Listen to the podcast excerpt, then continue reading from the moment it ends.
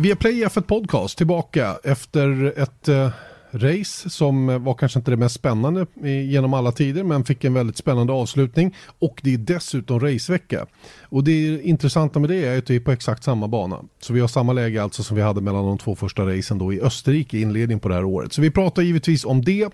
Eh, vi har våra vanliga spaningar, vi kommer att prata däck, inte helt oväntat eftersom det var en väldigt avgörande del då till den spännande avslutningen. Sen blir det ju självklart en massa tummar upp och ner som eh, vi ska försöka redogöra för efter bästa förmåga. Och avslutningsvis lite Indycar också då eftersom det har hänt, det har blivit viss utveckling inom Indycar. Eh, inte minst då när det gäller nästkommande race och vad som kommer att gälla runt Indy 500. Eh, Erik Stenborg runt tuppar och eh, hundar. Ja, jag är ensam hemma på landet och då blir eh, de två hundarna som finns här mycket oroliga för att jag är inte så pålitlig ledare tror jag. Ehm, så att de går runt och gnäller men nu så sprang de iväg och jagade en person på en mountainbike. Så att jag hoppas Bra. att de gick vilse nu kanske ett litet tag. Ja. De kanske håller, hundarna kanske håller sig på avstånd i alla fall. Mina är på undervåningen och förhoppningsvis rastad så han ska hålla sig lugn mm. under den här timmen. Än så länge. Han brukar komma in så, så här runt 45 minuter in. Ja, precis. Och, och, det är roligt att säga än så länge också eftersom han heter Enzo. Ja, just det. Bribumts, exakt. Hörru, vi, vi släpper det, allt tramsprat och kastar oss in i, eh, i allvaret på en gång, nämligen Formel 1-loppet senast på Silverstone. Eh, först några generella spaningar, Erik. Ja, jag vet inte ens om det är en spaning. Jag tycker de här är svåra, eh, men nu skrev jag ner någonting och då skrev jag så här, det mest dramatiska, odramatiska racet på länge. Mm. För det var ju, det, alltså det var ett okej okay race, men det var just den där grejen att det hände inte mycket i toppen och bla bla bla och sen så var det bra fight liksom strax utanför pallplaceringarna. Då var det ju grymt eh, i mångt och mycket, men sen så när allting hände på så otroligt kort tid, det var väl tre varv liksom, som mm. allting bara föll ihop som ett korthus och då, då hette det till.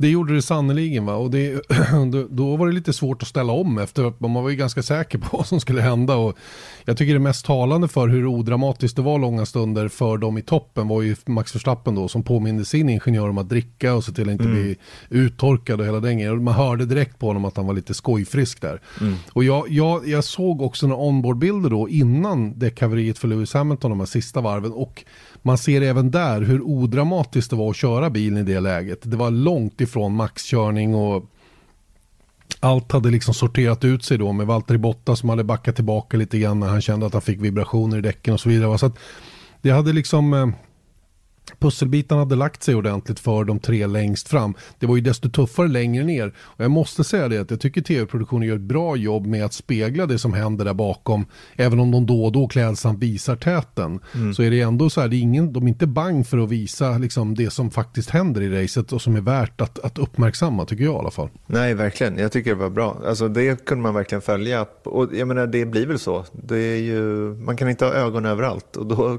kan man lika gärna släppa de där, där uppe som har två och en halv sekunds lucka hela racet och sen så bara ligger där. Så att, eh, nej, men det är ju rätt, det vi miss... rätt beslut. Ja, visst är det det. Och det vi missade tyvärr då, det var ju, det var ju Daniel Ricciardo. Vi ska komma till Ricciardo längre fram i den här podden för han ska få sig en liten tumme upp så småningom.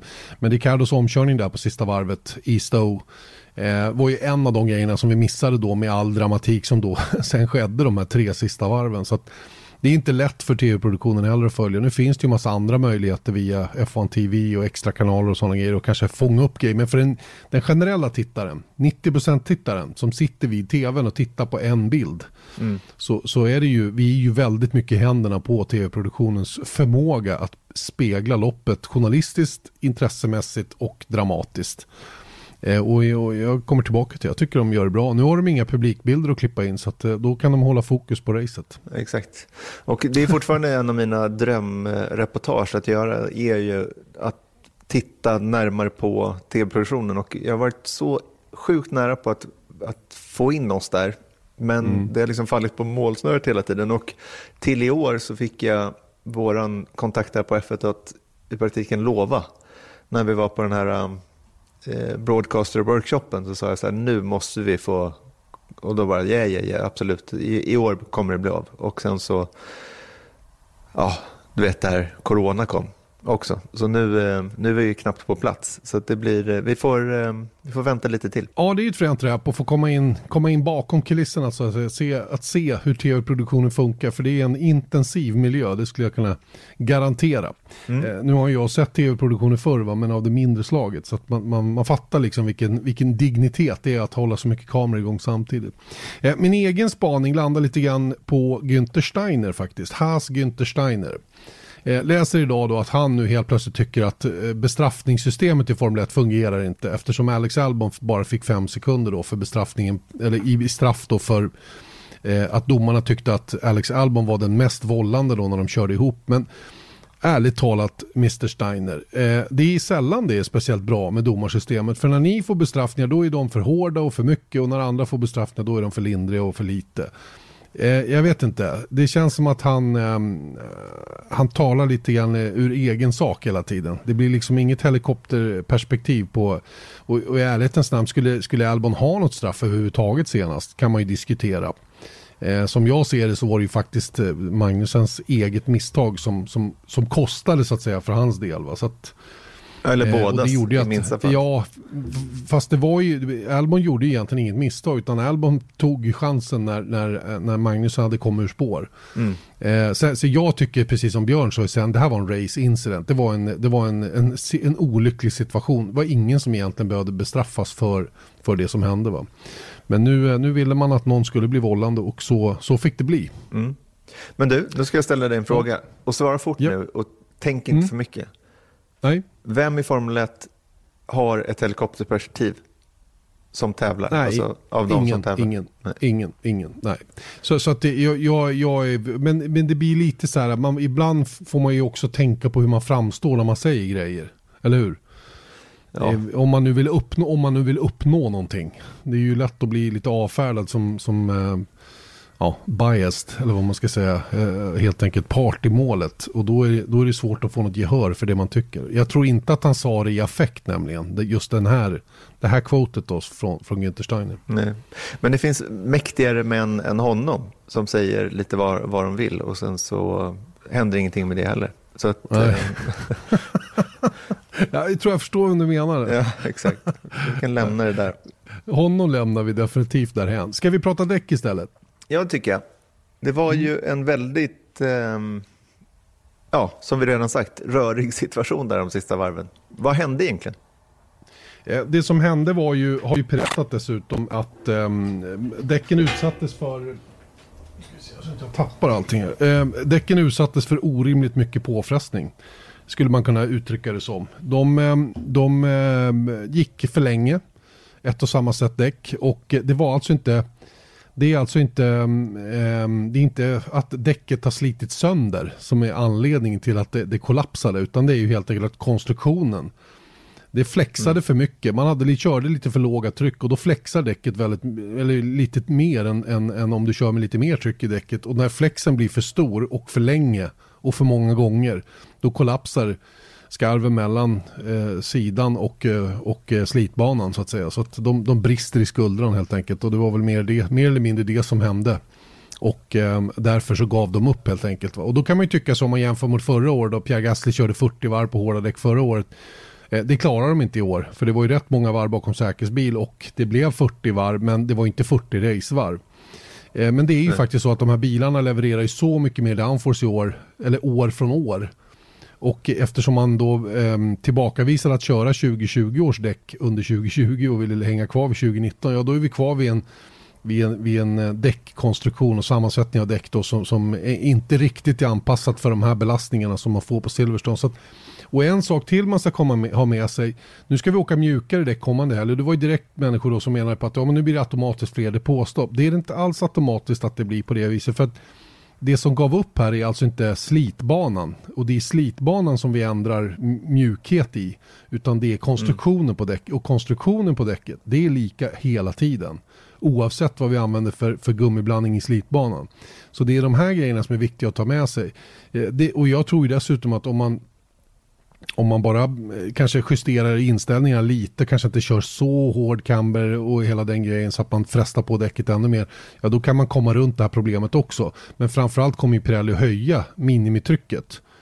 Mm. För att, Vilket är lite synd. Ja, alltså, både och. Det är väl, jag förstår varför, men, ja. men det är ändå... Det, är ju en, det hade varit kul. Och... Det är vi, självklart, va? och jag menar sannolikheten att vi ska få 40 varvstintar nästa helg också är väl inte jättestor. Det beror lite på vad som händer med säkerhetsbil och sådana grejer. Nu var det ju så att Kviat, det var egentligen Kviats punktering som jag tycker är intressantast. För den, den kom så mm. plötsligt. Och där känns det som att däcket kan ha varit skadat innan.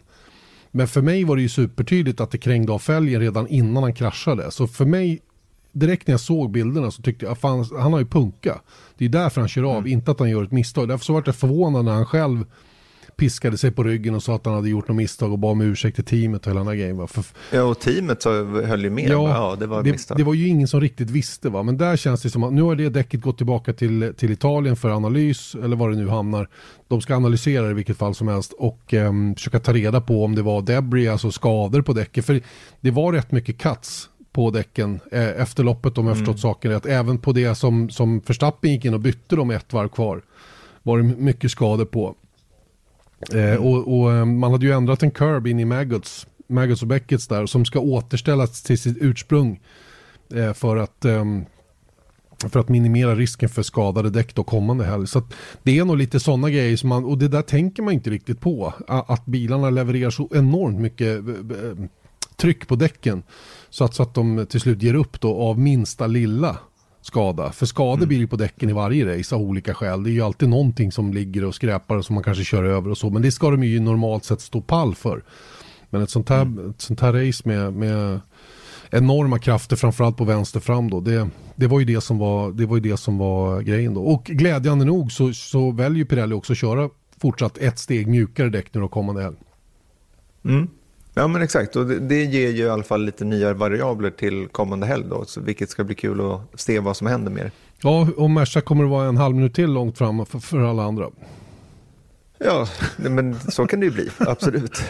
Usch vad bitter och träkig jag lät nu. Men, men, grejen är ju också att om man tittar på vad som hände, om man bara tar generellt sett över racet, vi har pratat om de här dramatiska sista varven, det är ju ändå jag menar, visst, vilket vi ska komma till senare, att det, det råkar vara så ofta att det är, det, det är samma förare som man kan tycka har tur eh, väldigt ofta. Men däremot så är det ju, det, det är ju ytterst små marginaler när det hände. Men jag kollar bara, det var, tog väl ett varv eller någonting som Hamilton kom extra gentemot Bottas mm. och var, han hade väl sex kurvor kvar eller nio kurvor kvar medan Bottas eh, grej hände liksom på start och målraken ja, så att han fick köra hela varvet. Mer eller mindre. Jag menar, det, det, ja, så att jag menar, helt plötsligt så händer någonting och, så, som eh, förstör bara mm. och, då, och då, då kan det lika gärna bli superspännande. Jag menar, kolla på jag tycker det faktum att det blev en så lång stint med på hårda däck gjorde ju att det blev ganska kul i slutändan. Mm. Eh, hade det varit ett vanligt race så vet man inte vad som hade hänt där. Nej, och, och i, i, alltså slitbanemässigt så tror jag att däcken hade kunnat hålla hela racet. Men det var ju just att de, att de blev belastade så mycket i själva konstruktionen då, som gjorde att de gav upp. Ja, jag tycker också att det, det gav, det, det, gav ett, ett annat, ehm, det, blev ju, det blev ju onödigt spännande för många på slutet. Då. Men, men att Hamilton klarar sig ett varv, det, kan ju vara, det, det som avgör det kan ju vara att han faktiskt har legat längst fram och kört och, in, mm. och, inte haft eh, någon smutsig luft på bilen. För Bottas låg ändå sekunden bakom, en, två, en, tre bakom Hamilton långa stunder tills han blev tvungen att backa tillbaka. Och det där vet vi är väldigt mm. tufft för framdäcken. Och vi hörde Lennon Norris. Och han klagade på vibrationer ja. och han hade liksom inte en flashspot. Men han, hade, han sa ju till och med att han hade lite svårt att se vissa mm. i, i slutet av mm. racet för att det var så mycket vibrationer. Och det kommer ju av att däcket då börjar att bli ansträngt så att säga. Då får man ju de här vibrationerna som så småningom gör att det kanske Ehm, ehm, ger upp helt och hållet. Men vad jag skulle säga var att även Lennon Norris vart ju tillsagd och, och up i speed lite grann. Var lite närmare Carlos Sainz då för att Ricardo kom bakom och, och sa det att nej men det, jag kan inte göra det. För att om jag åker för nära bilen framför då kommer jag döda mitt vänster fram. Va? Så att det är ju väldigt kritiskt med de här bilarna. Och då kommer vi tillbaka till det här som man tror sig komma åt då till 2022 med de nya reglerna. Att det här ska vara ett mindre bekymmer. Men, det, men på en sån, här aero, eh, en sån här aerobana som Silverstone är så är det ju oerhört viktigt. Jag är förvånad över att det blev så mycket omkörningar som det blev eh, ändå. Eh, just mm. med tanke på utformningen av den här banan. Så det, det, nej, det var fascinerande, fascinerande söndag på många sätt. Även om det naturligtvis aldrig är kul att det inte är jämnt om segern. Men vi fick ju, våran, vi fick ju lite eh, spänning ändå då, tack vare att eh, däcken, eh, det, att det, det, som hände med däcken hände. Ja, och då är vi inne på tummar. Ja. Och den första är ju ingen annan än Lewis Hamilton. Vilken skräll. Det, ja. det finns inga superlativ kvar nu till Lewis Hamilton. Um, och självklart han hade lite röta, men titta hur han genomförde helgen. Liksom. Han, är, han, är ju, han är blixtrande stark just nu, så enkelt är det. Och um, det är som Stenmark sa, ju mer jag tränar desto mer tur har jag. Det är, ja, det... och det är ju lite, det är ju bevingade ord. Mm. Alltså, och jag menar, sen kan man ju säga så här, men Hamilton tränar inte mer på bana än någon annan, men det är någonting som han gör. Jag menar, även om det är ren talang eller om det är liksom hur han jobbar med teamet, hur han får teamet att sluta upp runt honom. Och eh, jag menar bara, hans självförtroende måste ju vara nästan obehagligt stort mm när man liksom lyckas göra det här. Men han, han blir inte complacent heller. Han blir inte liksom lite så här, ja, men jag behöver knappt ställa upp för att på något sätt så har han ju en helt sjuk tävlingsinstinkt också. Jag tror att han siktar efter alla de här rekorden. Jag tror att han gärna vill bli en så kallad GOAT, så att säga. Men det är det som är grejen också med Hamilton. att jag, jag kommer inte ihåg om det är 35, 36 eller 37 raka race nu på poängplats. Jag menar, det är inte... Det, det, det, Sånt sker inte utan anledning. Det är ingen tillfällighet, nej. nej det kan jag hålla med om. Men, och sen, du vet, ska vi, och, och, många kanske kräver, då börjar man titta bakom, oh, men han hade tur där och det hände det och det där, han kör bästa bilen hit. Och, och visst, ska man, ska man få någon rätsida på den typen av resonemang så måste man ju gå väldigt, väldigt på djupet. Men jag tror att om vi mm. alla, alla är lite ärliga mot oss själva nu och tittar på det som händer så går det ju inte att säga något annat än att Lewis Hamilton är en av de absolut största genom alla tider i Formel 1. För att han har de här förutsättningarna givetvis. Va? Men det är förutsättningar som alla andra då som räknas in i den kategorin också har haft till största delen. Mm. Och, och, och mm. det, det är liksom, sen, sen, behöver vi inte jämföra i, i, i övrigt. Ja, vi, vi, kan bara vara, vi kan väl bara vara tacksamma för att vi får följa en karriär som är så här oerhört framgångsrik. Som, som den mm. Lewis, Ham, Lewis Hamilton har just nu. Och att han är snäppet bättre än Valtteri Bottas, det står ju utom allt tvivel. Eh, mm. Helg efter helg. Ja men Bottas är jättebra och han kan då den bra dagen slå Hamilton. Ingen snack om den saken. Men jag fick frågan hur jag ratade Bottas jämfört med övriga fältet. Och jag sa att, eh, för det var någon som undrade hur, hur nära skulle någon annan vara Lewis Hamilton i den här bilen. Ja men jag tror att nästan alla skulle vara det. Med, med, små variationer. Men det är ingen annan som får den chansen. Därför så är det en, en, det blir en helt irrelevant fråga för vi kan inte svara på den. Det enda vi vet nu det är att Valtteri Bottas kan inte vara mer än nära eller däromkring men sällan före Lewis Hamilton. Så enkelt är det. Och det, det får ju han svårt att vända på så att säga. Va? Och, och, och det, det det ska han inte vara skämmas över. Det gäller ju nästan alla förare. Det är kanske två, tre gubbar på hela startgriden som skulle kunna utmana Hamilton på riktigt allvar i samma material. Men då, ska vi, då får vi inte glömma att Hamilton har kört för det här teamet nu i, vad är det, åtta år snart va? Är det det?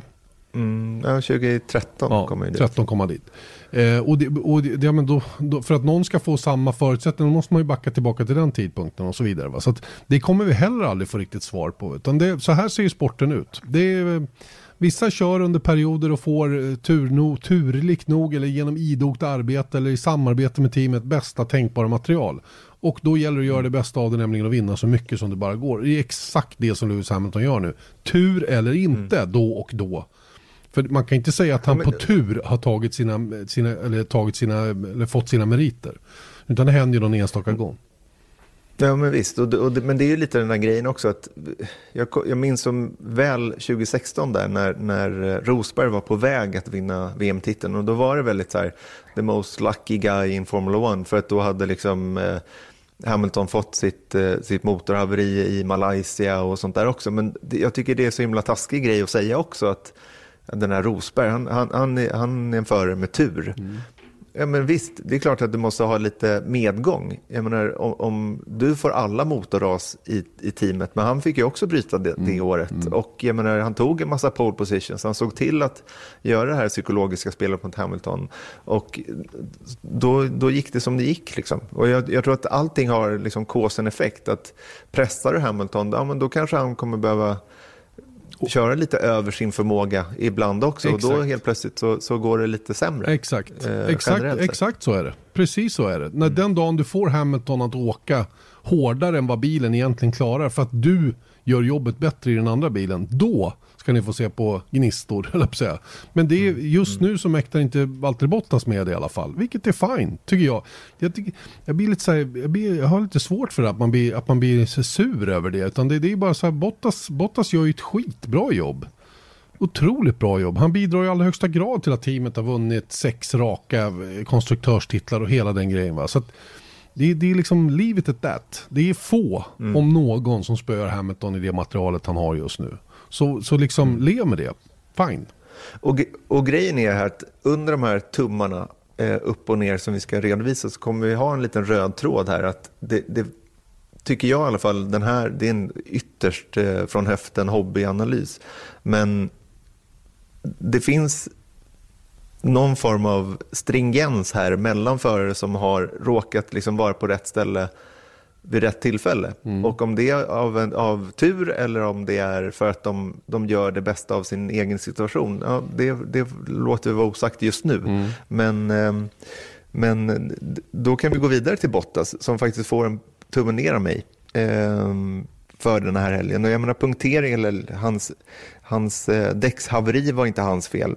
Ehm, men jag vet att vi har lite olika åsikter, eller i varje fall olika synpunkter på den här situationen. Men jag tänker på starten där. Mm. Att jag höll på att bli galen när jag såg den här starten. Mm. För att han var nästan helt, eller han var uppe vid sidan av eh, Hamilton på insidan. Men han backar av.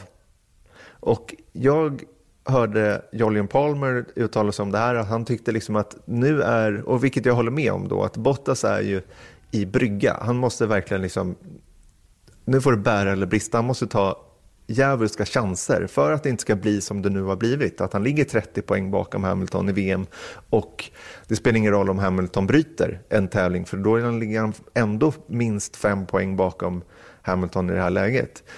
Då måste han liksom fan med visa att han, att han är där och inte vika ner sig för någonting, även om det går åt helvete. Då har han i alla fall försökt. Mm. Nu tyckte jag att han var lite mesig mm. mot Hamilton i starten. ja, jag måste säga att jag, jag är inte riktigt med där, varken det eller Jolion där. Jag tycker att för det första så var inte Bottas mer än halvvägs upp på Hamilton. Han är dessutom på insidan i kurva 1 som är, blir ganska brant om man är på insidan. Eh, jag tror att ska du köra om på insidan genom kurva 1, då måste du vara före precis när ni börjar svänga in. Då kan du stjäla spåret från den på utsidan, annars går det inte. Så att Bottas gjorde helt rätt som backade av, riskerade ingenting, vare för sig själv eller för Lewis Hamilton. Glöm inte heller att han har inget påskrivet kontrakt ännu som är bekräftat. Och det betyder ju att han, han kommer inte att äventyra sin framtid, framtid ihop med teamet. Han vet vad det du vet, du vet exakt vad de har pratat om innan. Ni får gärna racea men ni får banne mig inte köra ihop risken är för stor i ett sånt här läge. Jag, jag, jag är 100%. Men risken var ju för stor för Hamilton också. Ja, men Hamilton, det är Hamilton som har spåret. Det är han som har spår. Han är ju före. Det är han som ligger i raceline. Det är han som, det, det, är han som leder där. Utan det är bara, den enda, om det hade hänt någonting så hade det blivit Bottas fel. Förstår du?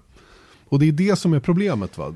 Hade Bottas däremot eller haft pole position och haft den här halvmetern på Hamilton och tappat in i första sväng där för att han var rädd för att de ska köra upp. Då är det en annan femma. Men det har hänt också. Ja, det har hänt också. Men nu pratar vi om den här gången. Och, och eh, den här gången så gjorde Bottas rätt som jag ser det. Eh, utifrån förutsättningarna. Det går liksom inte att köra om där på insidan när det går så ruskigt för det är full gas fram där till och med så att eh, Bottas kanske till och med började bromsa lite mer eller lyfta av lite mer än, än Hamilton. Just för att han är på insidan och får en mycket snävare vinkel. Du kommer ihåg vad Kimi Räikkönen gjorde ju en grej på Hamilton just, just genom den kurvan. Det var en liknande situation. Mm. Eh, när, när de smällde ihop. Och det, det här ville ju Bottas under alla omständigheter undvika. Va? Hade det däremot funnits ett bekräftat kontrakt kanske det hade varit en annan sak för Bottas. Då hade han vågat ta större risker så att säga. Va? Men, men i det här läget så måste han spela teamplay, tror jag i alla fall. Det är min teori om, om varför han inte är tuff.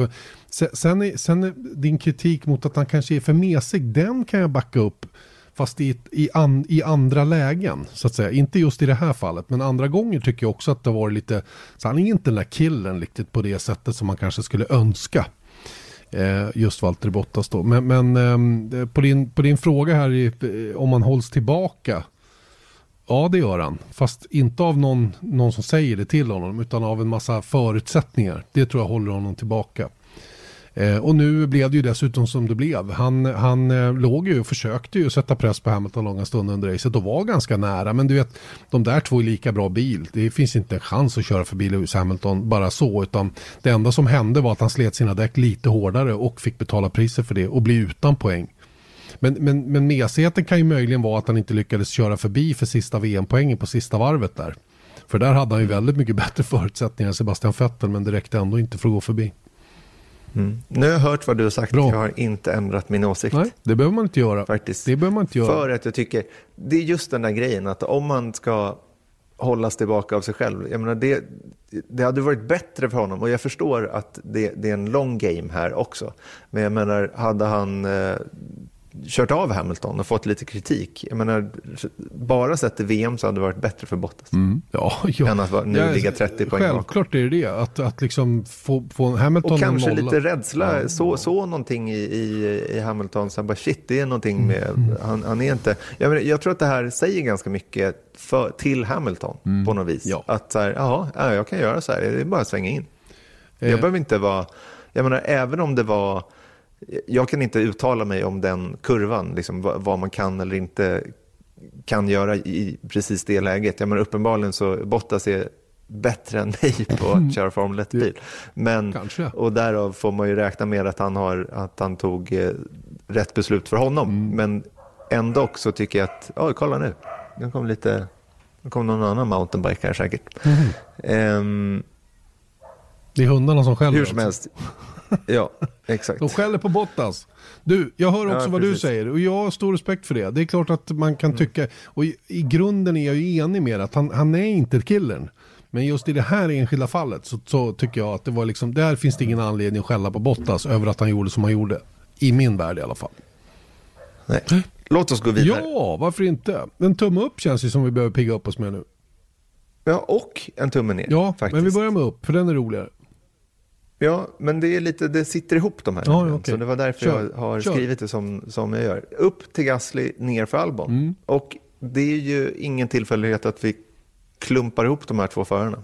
Nej, det är inte det. Gasly som eh, ja, blev ju uppromotad som det heter. Då. Uppflyttad till Red Bull förra säsongen men fick flyttade sig då efter Ungerns Grand Prix.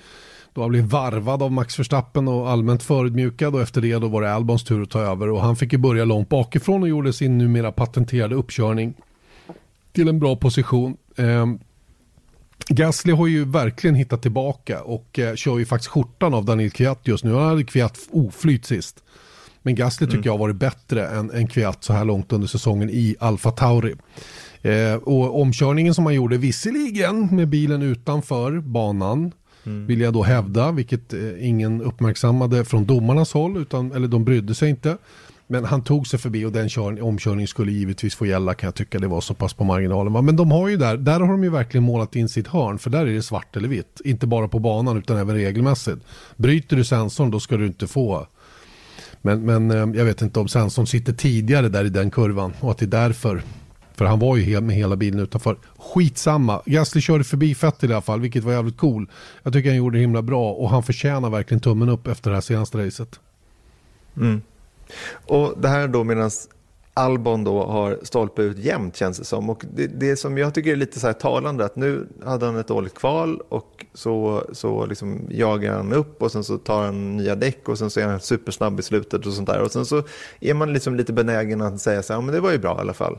Men grejen är att då han fått beröm, är det just när det har gått åt helvete i kvalet eller i starten eller någonting som har gjort att han kunnat storma genom fältet mm. och komma komma femma, sexa. Eh, men i varje fall när jag sitter här och nu så kan jag inte minnas liksom riktigt att han, om han har kvalat fyra, har han fått beröm då? Jag menar, då tycker jag att han har liksom, han kommer runt fyra, femma, sexa jämt mm. om han har ett bra race. Jag menar, han har fortfarande, nu har han varit nära pallen i Brasilien förra året och i Österrike i år. Men det har inte gått hela vägen hem och då kan man igen då ta det där att ja, men han, han eh, har hamnat på fel ställe vid fel tillfälle helt enkelt. Mm. Eh, just vid de gångerna med Hamilton. Då. Men, men eh, hur som helst, att det, det är på någon, någonting som gör att han liksom inte riktigt... Det är kvalen framför allt, men just att jag tycker inte han visar någonting riktigt heller när, när han väl har chansen. Nej, så är det ju. Och det är, det är, ju, det är ju statistiken det. Som, som vi ser tydligt att han har svårt. Vi ser tidsavståndet fram till förstappen hela tiden och poängtappet och, och svårigheten att matcha förstappen rent generellt. Eh, sen, sen ehm, är det ju som vi har varit inne på mycket nu, den här bilen är otroligt svårkörd och han har fått väldigt lite gehör tror jag för för hur han har upplevt det är att köra bilen, vilket har lett till då en, en viss, vissa förändringar. De tog in Simon Rennie som verkligen vet hur, hur slipsten ska dras i de här avseendena. Men det hjälper ju inte, bilkonceptet är ju det man har. Och, eh, att, att man är nära att göra någon form av genombrott med bilen, det, det, tror jag, det tycker jag Max Verstappen visar. Även om jag tror att Mercedes åkte väl under sin förmåga i racet senast medan Red Bull var betydligt närmare sitt max. Vilket gjorde att de, de var närmare varandra på banan än vad de egentligen var eh, liksom i verkligheten. Då. Men, men sen är det ju så att, vad, är det så att Red Bull plockar upp sina juniorer innan de är redo för det? Det är ju ett, ett argument som, som jag har hört. Och det är mycket möjligt eh, att de gör det. Eh, jag vet inte, jag tycker inte de har varit extrema när det gäller att lyfta upp förare i sitt team eh, åldersmässigt eller någonting. Det, är inte, det, det, extrema var väl möjligen Max Verstappen men han har ju levererat hela vägen efter några mm. vägbulor på vägen så att säga. Men, men, idag är han en av de absolut starkaste på hela griden han är ju inte lastgammal direkt. Så jag vet inte om det är det som är skälet heller eller om de helt enkelt har en, en scoutningsprocessen är fel eller eller processen inom Red Bull-teamet när man bestämmer hur den där bilen ska köras och vilka förutsättningar man ger då den andra föraren i teamet. Eh, mm. vad, vad, skulle ja, till jag, exempel en sån som eh, Sebastian Vettel då? Vi ponerar nu att Vettel skulle bli erbjuden kontrakt i Red Bull nästa år och få möjlighet att köra den här bilen då, och sätta lite press på Max mm. Verstappen. Skulle det bli bättre? Vad tror du? Ja, men då kan man ju gå tillbaka i historien till 2014 och se vad som hände när Ricciardo anslöt till Red Bull där eh, Vettel då hade vunnit fyra raka VM-titlar åren innan och eh, slog Vettel ganska rejält. Mm. Så att, jag vet inte, jag tycker att det känns som att Red Bull har de senaste tio åren åtminstone, vilket är ungefär så länge de har funnits, ja, lite, lite mer än så har de funnits, men, men eh, det, det är just den där grejen att lotsa fram, ja, men under tiden de har varit framgångsrika eller semiframgångsrika, svårt att liksom lyfta fram två förare. Mm att liksom hjälpa båda. Jag menar, det har varit mycket så här, om man bara liksom drar sig till minnes eh, Webber och Vettel i Red Bull. Jag menar, Webber var ändå med där uppe, men han var ju aldrig liksom ett hot mot Vettel, förutom något enstaka år kanske. Eh, och dessutom då så var det väldigt mycket osämja mellan de två. Det var dålig stämning i teamet. Eh, Ricciardo slog honom 2014 och sen så kom, liksom, sen så har det bara liksom fyllt på. Jag menar, kolla på Ricciardo och Verstappen när de körde ihop. Det var ingen vidare god stämning där heller.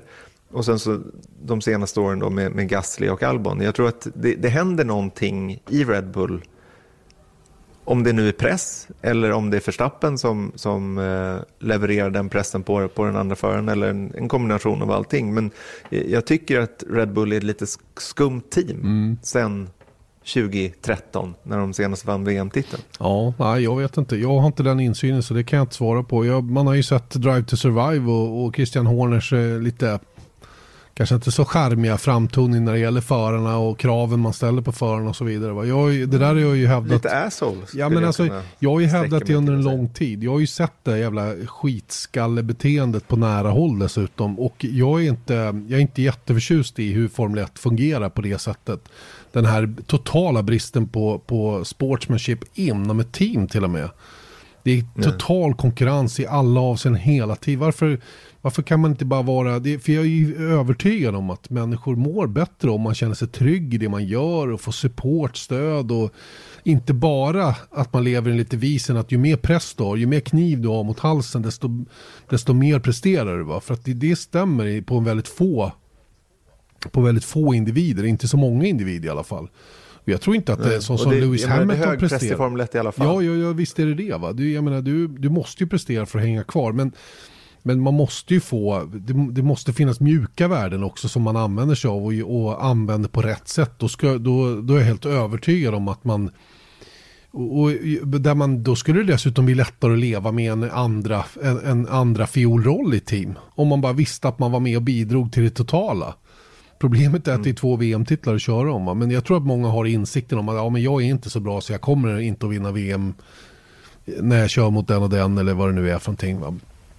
Men, men eh, rent generellt så tror jag att det är, det är en sunkig värld på det viset. Den är väldigt destruktiv om det inte är så att du liksom kliver över lik själv.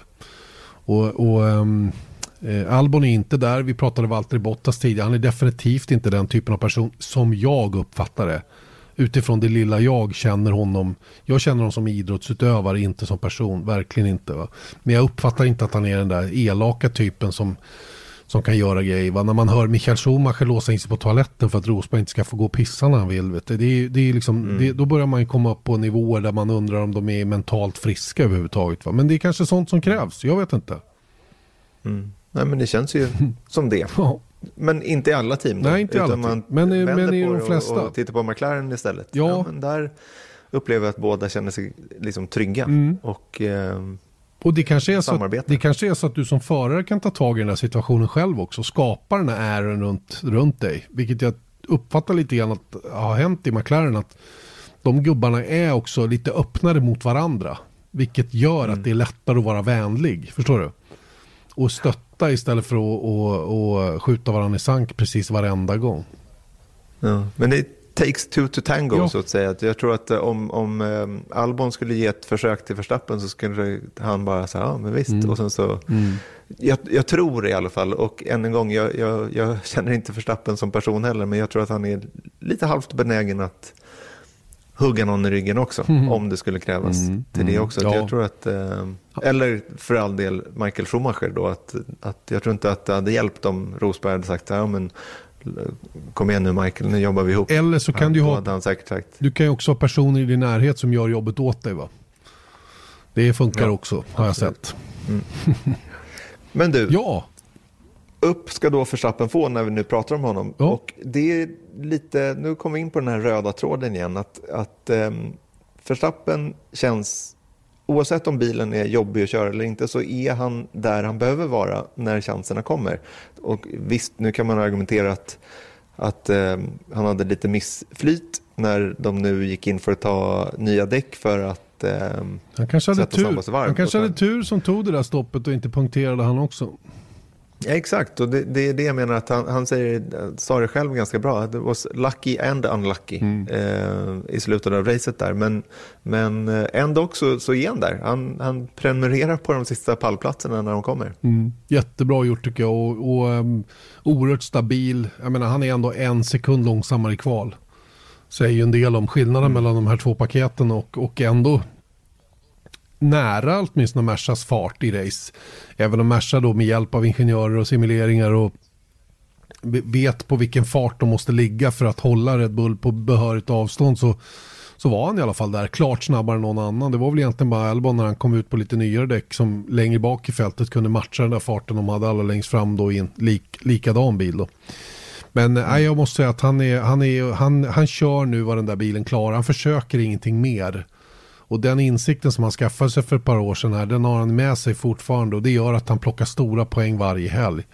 Och det är, det är ju bara det här snöpliga brutna tävlingen då, första racet i Österrike då, som, som de har som, som plump i protokollet. Va? Annars har det ju sett väldigt, väldigt bra ut för, för, för Max Verstappen så här långt. Så att, um, jag, jag, jag, jag, jag, tycker jag är imponerad. Jag är imponerad, kort och gott. Mm. Han, han, mm. han, han kör eh, klart över godkänd nivå så att säga. Ja, det tycker jag också. Och då går vi vidare på nästa uppåt-tumme och det är Charlie Clair som får den. Han fick en tumme ner för en tid sedan. Och än en gång den här röda tråden där. Vilka förare då som har förmågan eller turen att ta chanserna när de kommer. Och det kan man ju konstatera att Ferrarin är inte tillräckligt bra för en pallplats. Men Leclerc har tagit två pallplatser i år och har 33 poäng jämfört med Vettels 10. Mm. Det, jag, jag, tycker också att det är en sån där grej att vadå, hade Bottas inte tappat däcket, hade bla bla bla, hade Albon varit med där uppe, ja, men då hade kanske, eller till och med om Racing Pointen eller McLaren hade varit med hela vägen in så hade inte Leclerc heller varit eh, i läge för en pallplats, men nu var han det. Mm, han var ju det och det gjorde han ju himla bra tycker jag. Han var ju faktiskt några tiondelar snabbare än McLaren-bilen som låg och jagade honom hela tiden. Han hade de där 4-5 sekunderna som gjorde att hans fjärde plats var ju ohotad. Eh, och när strulet för, för Bottas dök upp då så tjänade han naturligtvis en placering på det och tog sig upp på prispallen vilket är oerhört bra gjort med den där bilen. Eh, Ferrari som hade trimmat av en hel del downforce den här helgen då och eh, offrat lite grann eh, balans i kurvorna givetvis då med anledning av detta då för att inte bli för sårbara på raksträckorna. Och den enda av de två förarna i Ferrari som lyckades köra bilen på det sättet var ju faktiskt Charles Leclerc. För då kommer vi in på nästa gubbe som får en rejäl tumme ner då. Eh, nämligen Sebastian Vettel som, som inte alls, han var ju helt enkelt obekväm i den där bilen. Han hade ju strul med intercooler under första träningen på fredagen, pedalproblem som, som pågick då under både eh, träning 2 och träning 3. Eh, och sen överhuvudtaget ingen god känsla i den där bilen. Jag tror inte alls han kände sig bekväm med att trimma av så där mycket downforce som krävdes på Silverstone. Och frågan är hur de gör nu kommande helg för att hjälpa honom så att säga att bli bekväm i bilen. För att han, han, ehm, han det, det, risken med Fettel om, de nu, om det fortsätter att gå så här eh, risigt jämfört med Leclerc att han tappar sugen totalt. Och det, det tror jag inte Ferrari vill. Det är ju viktigt för dem att ta poäng trots allt och åtminstone försöka bli trea i VM. Mm. Ja men exakt, jag tror inte han är motarbetad av, av Ferrari. Det tror jag inte, men det, det är någonting som har det hänt. Behövs jag, inte. jag fick lite sådana här... Nej, nej verkligen inte. Eh, eller, ja visst, men, men eh, jag fick lite så här, Kimi Räikkönen 2009, då, då blev han ut, då var Alonso på väg in i, i Ferrari och när man fick reda på det, liksom, eller när Räikkönen fick reda på det, han blev utköpt av sitt, eh, han hade ett eller två år kvar, ett år kvar ett, på sitt kontrakt. Ett, ja. Och eh, det var ju några race kvar av den säsongen. Då, då kände man verkligen att Räikkönens liksom ork eller liksom driv bara gick ner i sank. Nu kan inte jag svara på om det verkligen var så, men utåt sett så såg det verkligen ut som det. Mm. Eh, och jag får lite samma känsla över Fettel här också, att han, han kanske vet här att, ja, man kanske, vadå, det måste ju ta ganska psykologiskt eh, jobbigt att liksom få bli uttryckt ur ett team på det sättet eh, som man blev. Som man, och liksom alla förhoppningar som man hade när han kom in i Ferrari och sen så försvinner de och så får han inte vara kvar och sen så blir han ju massivt kritiserad nu. Eh, mycket med rätta eh, kan man väl säga, men det måste ju ta på honom också. Det är klart det och då det är svårt att liksom motivera sig. Mm. Ja, och framförallt komma upp i gropen. Um, jag vet inte om du nämnde det, men 2014 är, vi var inne på den tidigare, men det är ju en säsong som påminner om den här lite mer, mm. tycker jag, än, mm. än, än fjolårets säsong i Ferrari. När, när, när Leclerc kom in då började matcha Vettel. Så var de ju ändå jämnstarka, liksom. de hade bra paket hela den Men i år verkar det liksom gå åt andra hållet för Vettel. Precis som det gjorde då under 2014 långa stunder då när Ricardo kom in och, och var den starkare i i en bil som Vettel återigen inte trivdes med att köra. Han, han har väl också speciella önskemål om, om saker och ting. Och när han inte vågar attackera, för han sa ju det tydligt i intervjun efter loppet. Jag vågade, jag kunde inte attackera. Ja, det fanns liksom inga möjligheter för mig att attackera framåt och inte försvara mig när de kom ikapp. Jag, våg, jag kunde inte attackera bilen. För att han, han hade inte det förtroendet för den som, som krävdes då. Just för att de hade förmodligen då trimmat av så mycket downforce som, som krävdes för att hänga med någorlunda på rakerna. Så det är, det är väl en eh, tumme ner även för Ferrari delvis fortsatt då. De får ju en, en, en, en tumme ner tycker jag för att för att det är som det är i, i hela det teamet. Nu får de ju ändå en tumme upp tycker jag för att Leclerc kan, kan ta en pallplats med den där bilen också. Så de, de, det, det, är väl, eh, det är väl som de själva sa, det gäller ju nu, eller framförallt Leclerc sa, det gäller ju att ta nu alla chanser vi får den här svåra säsongen. Vi är långt, långt ifrån vad vi vill vara. Men, men då måste man ju samtidigt um, skopa hem det som går att skopa hem. Um, tummen ner då. För Racing Point också tycker jag. Absolut. Jag tycker de känns lite eh, överskattade. Mm. De skulle ju ta pallplatser på löpande band i år mm. med sin rosa Mercedes och kanske den näst snabbaste bilen i fältet. Men mm. om man tittar på facit här så har vi ju eh, Sergio Perez på sjunde plats i VM med 22 poäng. Eh, och åtta då Lance Stroll med 20 poäng. Och de ligger alltså bakom eh, Norris, de ligger bakom Charles Leclerc som man skulle kunna hävda har en sämre bil. Mm. Eh, de ligger bakom eh, Albon då och sen så är Ricardo på samma poäng på nionde plats som Lance Stroll då på 20 poäng. Och Carlos Sainz 15 poäng också. Så det är ju verkligen inget så här, äh, andra team här. De har inte utmärkt sig på något sätt egentligen. Och det här tror jag är, dels är det execution som de heter. Äh, alltså att utförandet under helgerna är långt ifrån 100% för deras del. De har en för svag förare i Lance Stroll, tycker jag. Han är för svag, kort och gott. Han är, han är inte så allround. Han kan inte, han kan inte ta hand om en uppgjord strategi eh, på ett bra sätt. Nu gick det lite emot honom sist. Han hade ju lyckats med nöd och näppe ta sig vidare då till, till Q3 på medium och tanken var att starta på medium och det skulle vara bra för honom. Eh, och så kommer det då den här, den här säkerhetsbilen då på varv 12 när, när Kviat kör av och eh, alla dök in, även han. Stroll alltså la på hårda däck och då var ju hela den strategin gone. Och jag sa till Björn innan racet så här, det där är farligt vet du, när man är i en sån roll som Stroll att starta på medium och så alla bilarna runt omkring honom startar på Saab. Risken är att du tappar fyra placeringar eller sådär. Mm. Och, och, sen, och sen fastnar du eh, för att du inte liksom kommer loss ifrån det, det, det läget du har skaffat. Och då brinner ju en sån här strategi inne. Istället mm. för att ta bästa tänkbara startposition och jobba utifrån det. För att om, om det var någon annan förare än Lance som skulle jobba med ett sånt här läge så kanske det hade kunnat vara typ en sån som Daniel Ricciardo eller varför inte Sergio Perez då som är en, som, som jag uppfattar en mer komplett förare än vad Lance Stroll är. Då kan det funka, va? men det här var ju väldigt knasigt och blev ju också mycket riktigt det för Strolls del. Han hamnade ju i kön. Han tappade ju placeringen i starten och så satt han fast i kön, kunde inte jobba framåt. Nu eh, har det pratats om att de inte hade en tillräckligt low drag bakvinge färdig till det här första racet på Silverstone då, som möjligen kan vara klar då till kommande helg.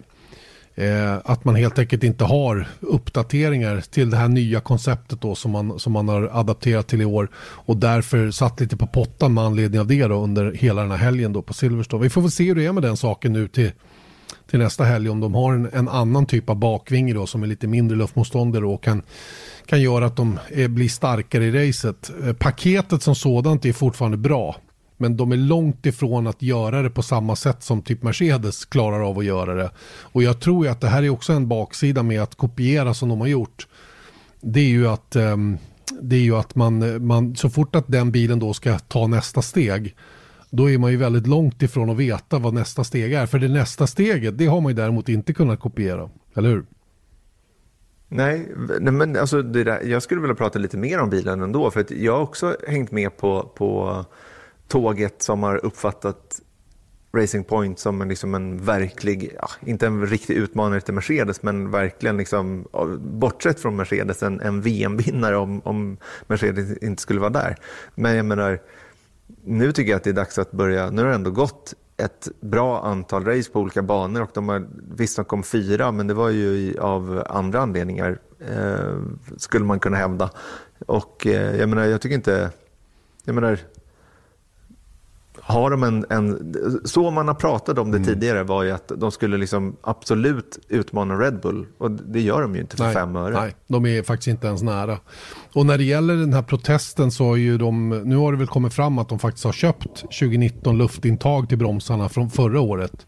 Eller det gjorde man redan förra året då, som man har använt då i år också. Och, eh, och, och, men, men, men det, är ju, eh, det är ju fortfarande den här protesten som hänger över dem då. Sen om de har tagit de där som de köpte då förra året och då i princip bara skulle kunna flytta över på den här bilen som de har i år. Så är det ändå så att de måste ha ritningarna på dem för att överensstämma med reglerna. Eh, det här med luftintagen till bromsarna var ju, i, ska vi se, det, är det listade delar som man får köpa eller är det olistade delar som man får köpa? Jag kommer aldrig ihåg vilket som är vad där. Jag tror att det är o, o, de listade delarna som man får köpa. Nu är, den borttag, ja, nu är ja. luftintagen till bromsarna borttagna från den här listan till i år. Vilket betyder att mm. du måste... Men de hade dem då förra ja, året. Precis. Vilket gör det ju helt knasigt hela den här grejen. Va? Men nu har jag hört lite bakvägen att Renault kanske inte är så intresserad av att, bli, att få rätt i protesten. Mer att få möjlighet att överklaga en eventuell, ett eventuellt nekande då till sin protest. För att sätta igång konspirationen på riktigt. Och att mm. det går rykten om att eh, Lawrence Stroll på något sätt hade kommit över en, en VW10 då. Hur vet inte jag, men de, de, man får ju inte köpa någon annans bil, inte så pass nära inpå. Det måste väl vara två eller möjligen tre år gammal bil som man tidigast kan, kan få tag i så att säga. Och då, mm. den har man ju inte du, samma nytta av. Ja, Vi, vi, jag räknar nu kallt med att vi ska få reda på det här väldigt snart. Så att jag väntar nästan på... Idag? Att, det är väl äh... precis när vi är klara med det här antar jag. Det brukar ju vara så. Ja, men då så. Mm. Då, så. då tar vi det nästa vecka. Då. Precis. Men jag skulle vilja prata lite eh, vidare då om Racing Point. Och mm. då hade vi då Nicky Hülkenberg som, som eh, vilken jäkla eh, 24 timmar. Jävla oflyt hela tiden. Helt sjukt alltså. Ja. Jo, men alltså inte bara det, utan dels att han, han sitter i Monaco och blir uppringd och sen så tar han sig till, till England och sen så um, tester hit och dit och in i simulatorn i 45 minuter och sen kommer 15 minuter innan FP1 sätter igång. Då kommer han in i, i depån. Mm. Så att jag, menar, jag tycker uh, han ska ha en stor eloge över att han ens liksom, fixade det överhuvudtaget. Sen blev det ju värsta antiklimax-situationen där när han inte ens kom till start. Så det, det var ju det var faktiskt tråkigt och det hade varit bra för honom. Som Björn Wirdheim sa efter racet också, att det är synd om, om honom att han inte fick de här varven mm. nu, eh, nu, nu, när han kommer till Silverstone igen. Eh, med största sannolikhet ska man väl säga då. Ja, det är men, inte riktigt klart men, ännu huruvida han får köra den kommande helg heller. Men, men eh, de här, det, det verkar ju vara fortfarande oklarheter kring tio eller sju dagar om jag förstått saken rätt. Ja, och eh, huruvida Peres eh, kan, kan testa, testa negativt. negativt. Ja, precis. Det är ju ja. kanske det huvud, huvud, huvudgrejen då. Men, men sen är det ju karantänstiden som egentligen avgör om vi utgår från att Peres inte hade någon större mängd virus i kroppen. Då. Nej. Men sen så kan man ju då fråga sig med tanke på hur det gick på Silverstone. För Silverstone skulle passa Racing Pointen oavsett vad vi har sagt nu tidigare runt den rosa Mercedesen så skulle ändå Racing Point-bilen passa väldigt bra på Silverstone. Men nu när Paris inte var där, då kan man ju fråga sig hur stort avbräck det var. För att då kommer ju ändå, om man tittar på förarna de hade, att, att eh, Stroll kanske lutar sig ganska mycket på Perez och sen så hade han Hylkenberg och helt plötsligt var Stroll liksom tvingad att leda teamet för att Hylkenberg hade ju nog med saker att sätta sig in i så att säga. Så att jag, man, jag tror inte man kunde förvänta sig att han skulle liksom driva något slags inställningsarbete där utan det var väl mer att liksom hitta någorlunda rätt och göra bästa situationen. Eh, det måste ju ha varit en ganska stor grej för, för Racing Point i slutändan ändå. Det tror jag, lite beroende på varför de var långsamma nu då, eh, rent generellt.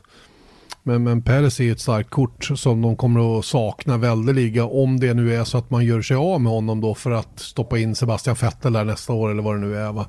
Samtidigt är det här lite oroande tecken också för Vettel när, de ser, när han ser vad liksom när det inte går till 100% så är det ju faktiskt en sämre bil än vad Ferrarin är. Så det, det, är liksom, det är svårt. Det är jättesvårt. Eh, alltså Fettels situation rent generellt när det gäller att välja rätt för framtiden är inte avundsvärd på något sätt. Jag, jag tror att det kan bli det kan bli fågel eller fisk verkligen beroende på vad man väljer att göra. Eh, genom, om, om man nu bestämmer sig för att gå till, till eh, det som ska bli Aston Martin nästa år. Eh, eller inte. Va? Det, det, mm, det, det är ett tufft, tufft beslut. Mycket tufft beslut och han måste gräva djupt. Eh, gräva djupt i sitt eh, liksom, inre för att eh, ta reda på vad han själv vill om inte annat. Mm. Och tänker jag också att just det faktum att man tänkte ju verkligen att om Peres nu tappar race på det här sättet att det ligger verkligen emot honom då att han skulle förlora den här platsen. Men jag tänker liksom, jag tror att jag kanske går lite väl långt här, men om det nu var så att Racing Point inte kom upp i den nivån de man hade kunnat förvänta sig just på grund av att Perez inte var där, ja, då kanske de ser helt plötsligt att så här, shit, vi behöver verkligen en inkörd förare i vårt team mm. när vi nu ska ta det här klivet upp. Istället för att sitta med Stroll och en, en liksom halvdassig Fettel. Mm. Förstår du vad jag tänker? Mm. Det kanske stärker hans aktier ändå. Kanske, kanske. Ja, jag vet inte. Jag tror, jag tror inte det är riktigt klart än, varken åt ena eller andra hållet om man ska vara riktigt ärlig. Ryktena säger att Perez åkte till Mexiko för att rädda sin karriär. För att i kontraktet så står att han, han ska alltid ha möjlighet att matcha andras bud. Så att han då, att det, det var någon sån här liten side story att han hade åkt hem då till Carlos Slim då för att be, be om lite extra deg. Mm mm. Vad tror vi om det då? Ja, ja vi får väl se. Vi får väl se. ja. Nu vill jag prata om Daniel Ricciardo ja, och Renault istället. Gör det, gör det. The Honey Badger. Upp. Upp alla dagar i veckan. Renault 4-6, stora poäng, 20 poäng totalt. Jättebra jobbat. Efter en lite sämre helg tycker jag i Budapest så kommer de tillbaka starkt. Och den jag vill lyfta fram det är Daniel Ricciardo, hans racecraft och hela hans liksom innan racet stirrar han in i kameran och säger att en sjätte plats det kan vi kanske få om vi gör ett perfekt race, säger han. Med väldigt så här mm. emfas. Han är otroligt så här, så är det. Och eh, det visas ju, eh, det visas ju räcka gott och väl att bli sexa. Han blev till och med fyra med allt som händer runt omkring då. Men femte plats i alla fall. Och återigen då en sen omkörning sista varvet. Mycket, mycket smart kört. Låg en liten bit bak i kön där, bidade sin tid, låg inte och stressade i onödan. Använde all sin erfarenhet och rutin och vände på steken på sista varvet när han klämde sig upp och, och liksom Ja, det var väl Carlos Sainz som försvann där också som hjälpte. Så det var väl egentligen en sjätte mm. plats, eh, ärligt talat, så, som, som man hade då på bordet. Men jag tycker, jag, jag gillar hans sätt att ta sig an racen. Det där är ju en sån otroligt begåvad förare eh, på det viset. Eh, att inte stressa. Han visste ju att det är ingen idé att jaga livet ur sig för en placering till. Utan det är bättre att göra omkörning när han väl kan det. Mm. Förstår du hur jag tänker? Alltså inte, för han vet ju att även om jag kör om den här så kommer jag aldrig kunna köra om någon mer. För de är för snabba för mig. Så då är det bättre att jag lägger allt krut vid ett tillfälle och liksom tänker till lite grann. Och faktum är att när jag lyssnade på um, på Formel 1 F1 Nation-podd och där var Esteban Ocon med och han hade lite samma upplägg. Eh, även om han låg bakom eh, Stroll långa stunder då, så, så tänkte han lite på samma sätt. Va? Det, det, var ju, det går ju inte att köra om hur som helst utan man måste linea upp och man måste bygga upp läget och man måste hålla däcken, se till att den andra föraren kanske tvingas köra slut på sina däck lite före dig själv och så vidare. Va? Så jag tycker båda, båda gubbarna gjorde det där otroligt bra och Ricardo eh, får ju mycket beröm för sin start på säsongen. Den har väl inte varit extraordinär tycker jag men det här racet som man gjorde senast det var det var riktigt, riktigt bra. Eh, så, så Ricardo Renault och Ocon faktiskt tycker jag kan få en tumme upp allihopa. Mm. Ja, då håller jag med om det. Men då vill jag skicka en sista tumme och det är till Alfa Romeo. Ja, gud, de är rätt ner i källaren. Alltså, upp eller ner? Vad tror du? Den är ju så ner i källaren så att den, är ju, den syns inte knappt. De är nere i Kina och vänder, jag säga. Nej, jag vet inte, det går mm. så fruktansvärt tungt för dem för närvarande. Och det börjar låta lite tjurigt och det är liksom jag tror varken bil eller motor är bra, om jag ska vara riktigt ärlig. De sa ju själva under helgen i, i Silverstone att ja, men det, vi gör små förbättringar, det ser bättre och bättre ut, va? Men, men det ser banne inte ut så på banan.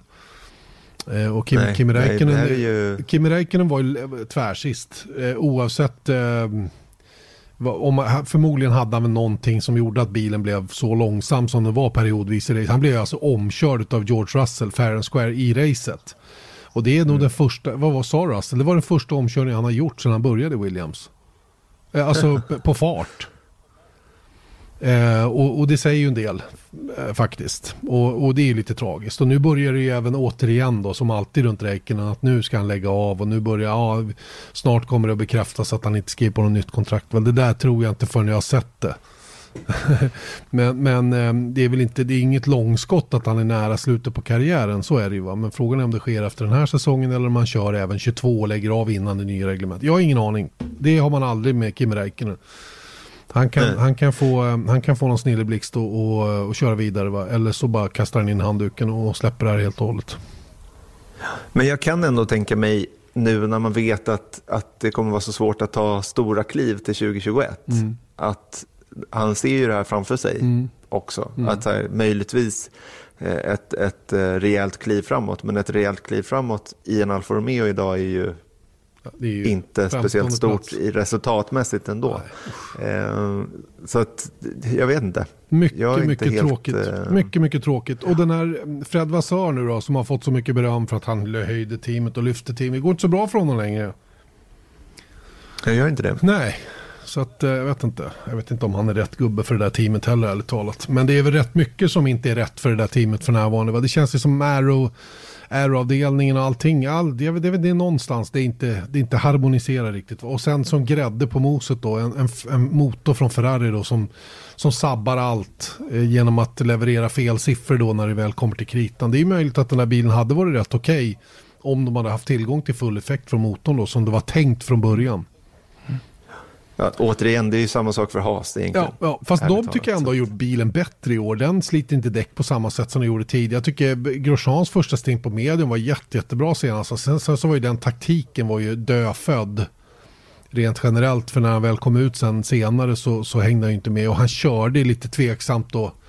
Som GPDA-ordförande så tycker han det är helt okej okay då att flytta på sig i bromszonen där. Vilket jag extremt mm. svårt för att acceptera. Jag tycker det är bland det fulaste man kan göra på en racerbana. För att, tänk dig att ligga bakom och sen så precis när du bestämmer dig för att attackera. För du måste ju ändå ta en större risk än den som är framför.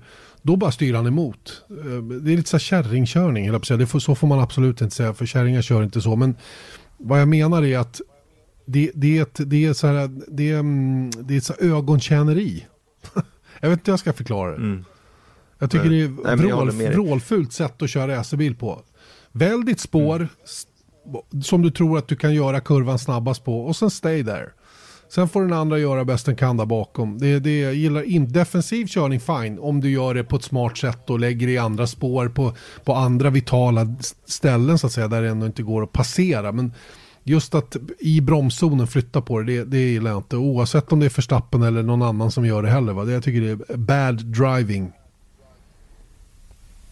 Absolut. Du, ja. nu är vi klara med tummarna. Ja, jag har ont i dem nu. Ja, och nu ska vi istället prata Imola, för där har det hänt lite, dels att de ska köra där, det ska bli kul, mm. eh, men det har också kommit fram då, vilket man kunde, den skarpsynte kunde notera, att det stod bara två dagar, mm. vilket jag trodde nästan var så här, det har de skrivit fel på. Precis, men det var inte det, utan Nej. de kommer att ha två dagars event med bara en träning och sen kval, 90 minuter och sen så kval. Och eh, det här ser ju väldigt många fram emot. Ja, jag, många ser fram emot Imola till att börja med. Jag vet inte riktigt varför. Jag, jag har aldrig varit någon superfan av Imola. Jag har aldrig bjudit på någon speciellt bra racing och sådana grejer. Det är en cool bana, fin bana på alla sätt och det blir säkert bra den här gången också. En träning eh, på 90 minuter innan kval. Det kommer ju göra det här till en väldigt speciell helg. Det, det, Formel 1 har inte kört här som sagt sedan 2006 finns inte mycket till gammal data att luta sig mot och hela den biten. Utan här får man verkligen använda de här 90 minuterna till att både göra kvalsim, först setuparbete, alltså fininställning, börja titta på däcken, köra kvalsim, racing eh, och komprimera sitt program verkligen. Va? Och sen kastas rakt ut i kvalet för att sen köra race på söndag. Jag tycker det är fränt. Det här, det här tror jag är någonting vi kan komma att få se i framtiden. Ja, det, vi kommer få se det i framtiden mm. när vi nu ska gå till kortare helger. Det, det, är ju redan sagt så att säga. Men eh, om det exakt kommer bli så här då att det blir en 90 minuters träning. Men jag, jag skulle gissa det. Eh, sen då, om man ska vara lite så här eh, djävulens advokat, så är inte det här ett... Det, det har ju blivit generellt sett så där när till exempel en träning har regnat bort. Då har det blivit helt plötsligt lite så här, eh, olika variabler som man inte haft möjlighet att titta på i, ehm, till racet då och då har det kanske blivit lite annorlunda resultat. Skillnaden här då är att man vet att det är 90 minuter, vilket gör då att jag tror inte att man ska se det som en så automatisk jackpot, att man bara har en träning, för att de stora teamen Lex Mercedes, de vet nu att de har bara 90 minuter på sig och sen så försöker de simulera fram resten. Så de kommer ju skäligen då vara bäst förberedda i alla fall. Eh, skillnaden är till exempel i, på, i Texas om det regnar bort två träningar. Ja, men då är det ju helt plötsligt så att de hade en plan att, som de tänkte genomföra men de kunde inte göra det. Nu kommer de genomföra den planen de har så att säga mm. till punkt och pricka och sen så får man se var den landar. Eh, det tror jag, liksom, och det är något som vi har tagit upp tidigare också, att man inte kanske ska se det som ett automatiskt framgångsrecept i alla fall. Nej, det, be det behöver inte vara det åtminstone. Va? Men jag tycker det, kan visa, det kommer ändå visa att det funkar alldeles utmärkt att köra en träning kval på lördagen och race söndag. Man behöver inte hålla på i tre dagar. När du pratar Nej, förkortade exakt. helger då är, det ju, då är det ju sagt att man ska ha mediadag första halvan av fredagen och sen köra träning på fredag eftermiddag. En träning på lördag, kval lördag och sen race söndag då. Så, så det, det är väl lite, man, det, här, men det här blir ju ett alldeles utmärkt sätt att, att prova.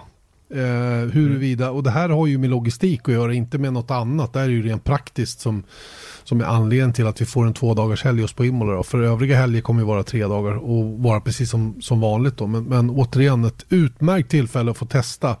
Och jag tror att det är lite det också att man här dessutom har möjligheten att hävda att det är av logistikskäl gör det lite lättare att få igenom. Mm. Right, okej, okay, då Bra. rundar vi av det här med lite Indycar också då. För där har det också varit viss utveckling här på slutet.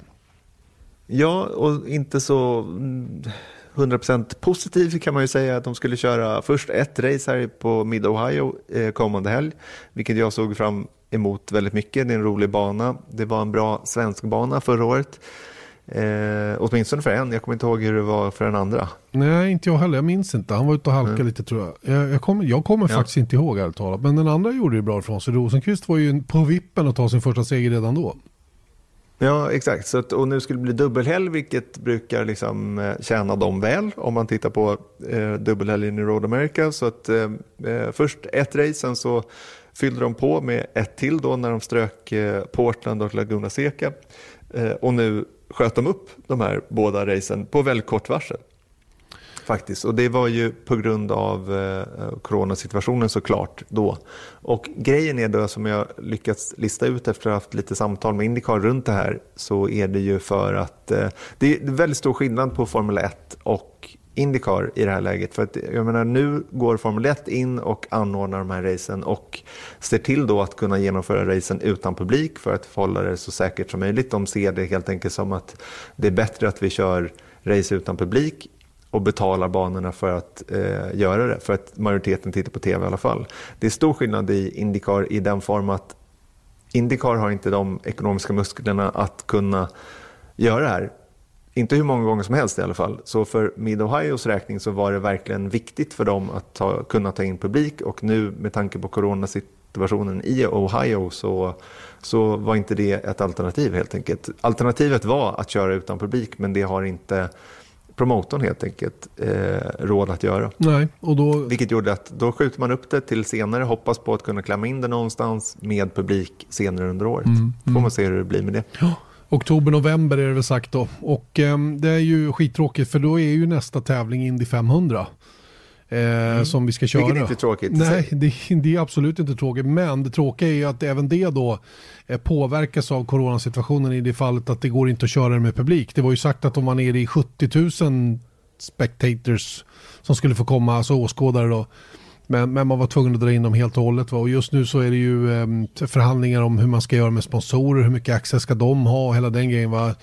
Och det här är ju en, en inkomstkälla av stora mått för Indycar-serien. Att kunna kö köra Indy 500 då med publik på någonstans mellan 300 och 400 000 människor och sponsoraktiveringen runt omkring. Inte minst Visst. för de här one-off-killarna eh, som bara kommer och kör Indy 500.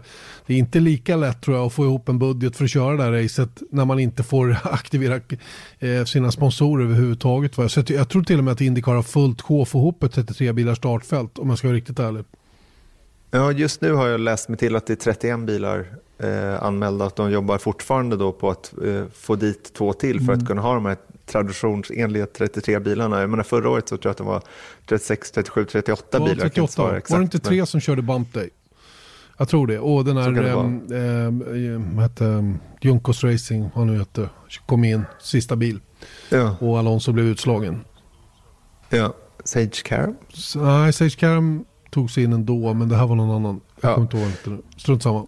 Nu, Ja, spelar ingen roll. Men, men det som är grejen är att, att Indy 500, jag ska inte säga att jag kan svära på de här, men jag har magkänslan av att jag har hört någonstans att Indy 500 står för ungefär 50% av intäkterna för organisationen Indycar eh, på året då, om man bara tittar på publiken. Och det, det kan ju stämma då med om man tittar på ett Mid-Ohio-race som kanske tar in 20-30 000 eh, någonstans där. Och sen så har man 400 000 på Indy 500 och sen så hela veckorna där inför då. Så att, och jag menar, det är ett av världens största publikevenemang. Helt enkelt. Och mm. nu ska de då göra det för första gången då bakom stängda dörrar. Och det är precis som jag, eh, jag tror du har helt rätt i det fallet att varför de inte kan samla ihop bilarna är just den grejen att om någon ska betala det här så vill man i alla fall kunna bjuda dit sponsorerna och nu eh, är det oklart om man ens kan göra det. Mm. Ja, vi får se hur det blir med den saken, men det är alltså nästa race då för Indycar. Sen har de ju bestämt sig för att köra två då på Gateway, två race på Gateway, två race på IMS Road Course senare. Och sen mm. är det ju St. Pete kvar va?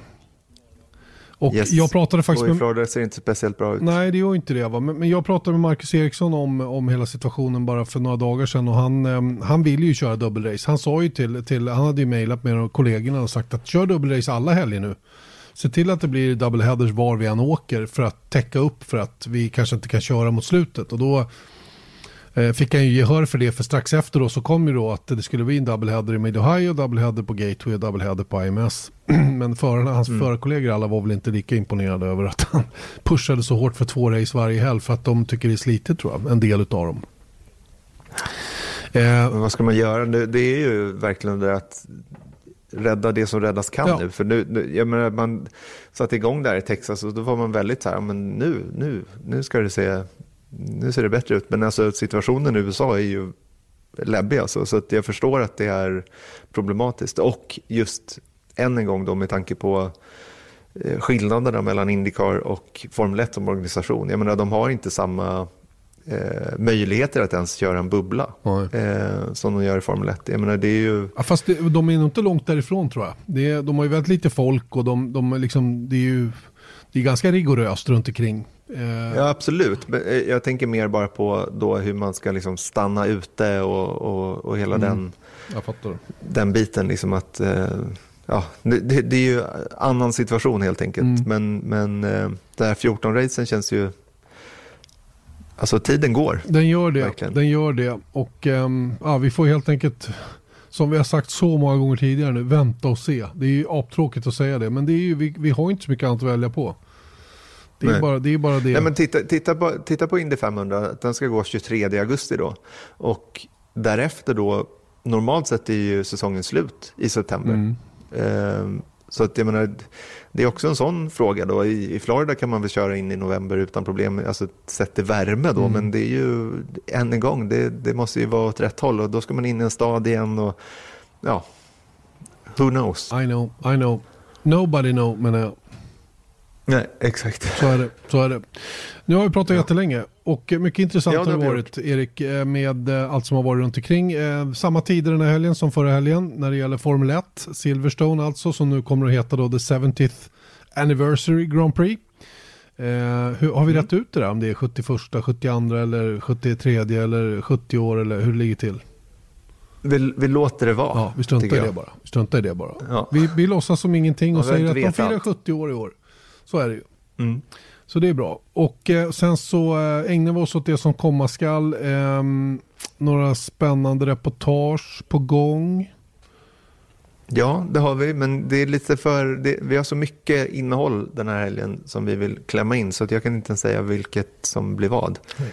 Faktiskt. Men okay. Eh, det kommer att bli bra. Det tror jag också. Det brukar det alltid bli. Toppen bra mm. Erik, då säger vi så eh, kort och gott. Och eh, när det gäller poddlyssning så är det ju att återkomma då nästa tisdag slash onsdag. Troligen tisdag. Jag var ju faktiskt iväg och körde den grymmaste simulatorn jag någonsin har suttit i. Det var ju proffsgrejer. På riktigt, sånt som mm. storteam Jag säger det igen. Säger det igen. Ja. Det är, livet är orättvist. Nej, det är det inte är. Fråga är älg. Mm. Han sa alltid det. Livet är ja, rättvist, han bara. Nej men det var skitkul, den var riktigt ball faktiskt. Vilken maskin, ärligt talat. Jag körde Formel 3-bil på spa. Nu körde jag tre ja. varv, så att jag satt inte och gnuggade i flera timmar. Det hade jag inte klarat för då hade jag blivit duktigt åksjuk. Jag började helt plötsligt fatta varför Eje blev åksjuk i Red Bull simulator. Mm -hmm. eh, det, men det är en annan grej med de här. Det, det, här är en annan, det här är ett snäpp upp. Ganska många snäpp upp faktiskt. Och eh, den var ju byggd så man kunde ha driver coach och man kunde ha sin ingenjör med när man körde. och sen så då full telemetri och alltihopa. Så här riktigt, riktigt, riktigt frän. Fanns hos Fragos Motorsport. Robin Hansson var snäll nog att, att förevisa den för mig eh, när vi satt ner och gjorde en liten intervju då, som kommer på Gelleråsen när vi visar racen därifrån. Mm. Mm. Det blir kul. Cool, mycket bra. Hörru du, eh, nu tackar vi för oss och eh, ber att få återkomma nästa vecka. Hälsa hunden hej, hej. och tuppen. Det ska jag göra. Bra. Hej då. Hej, hej.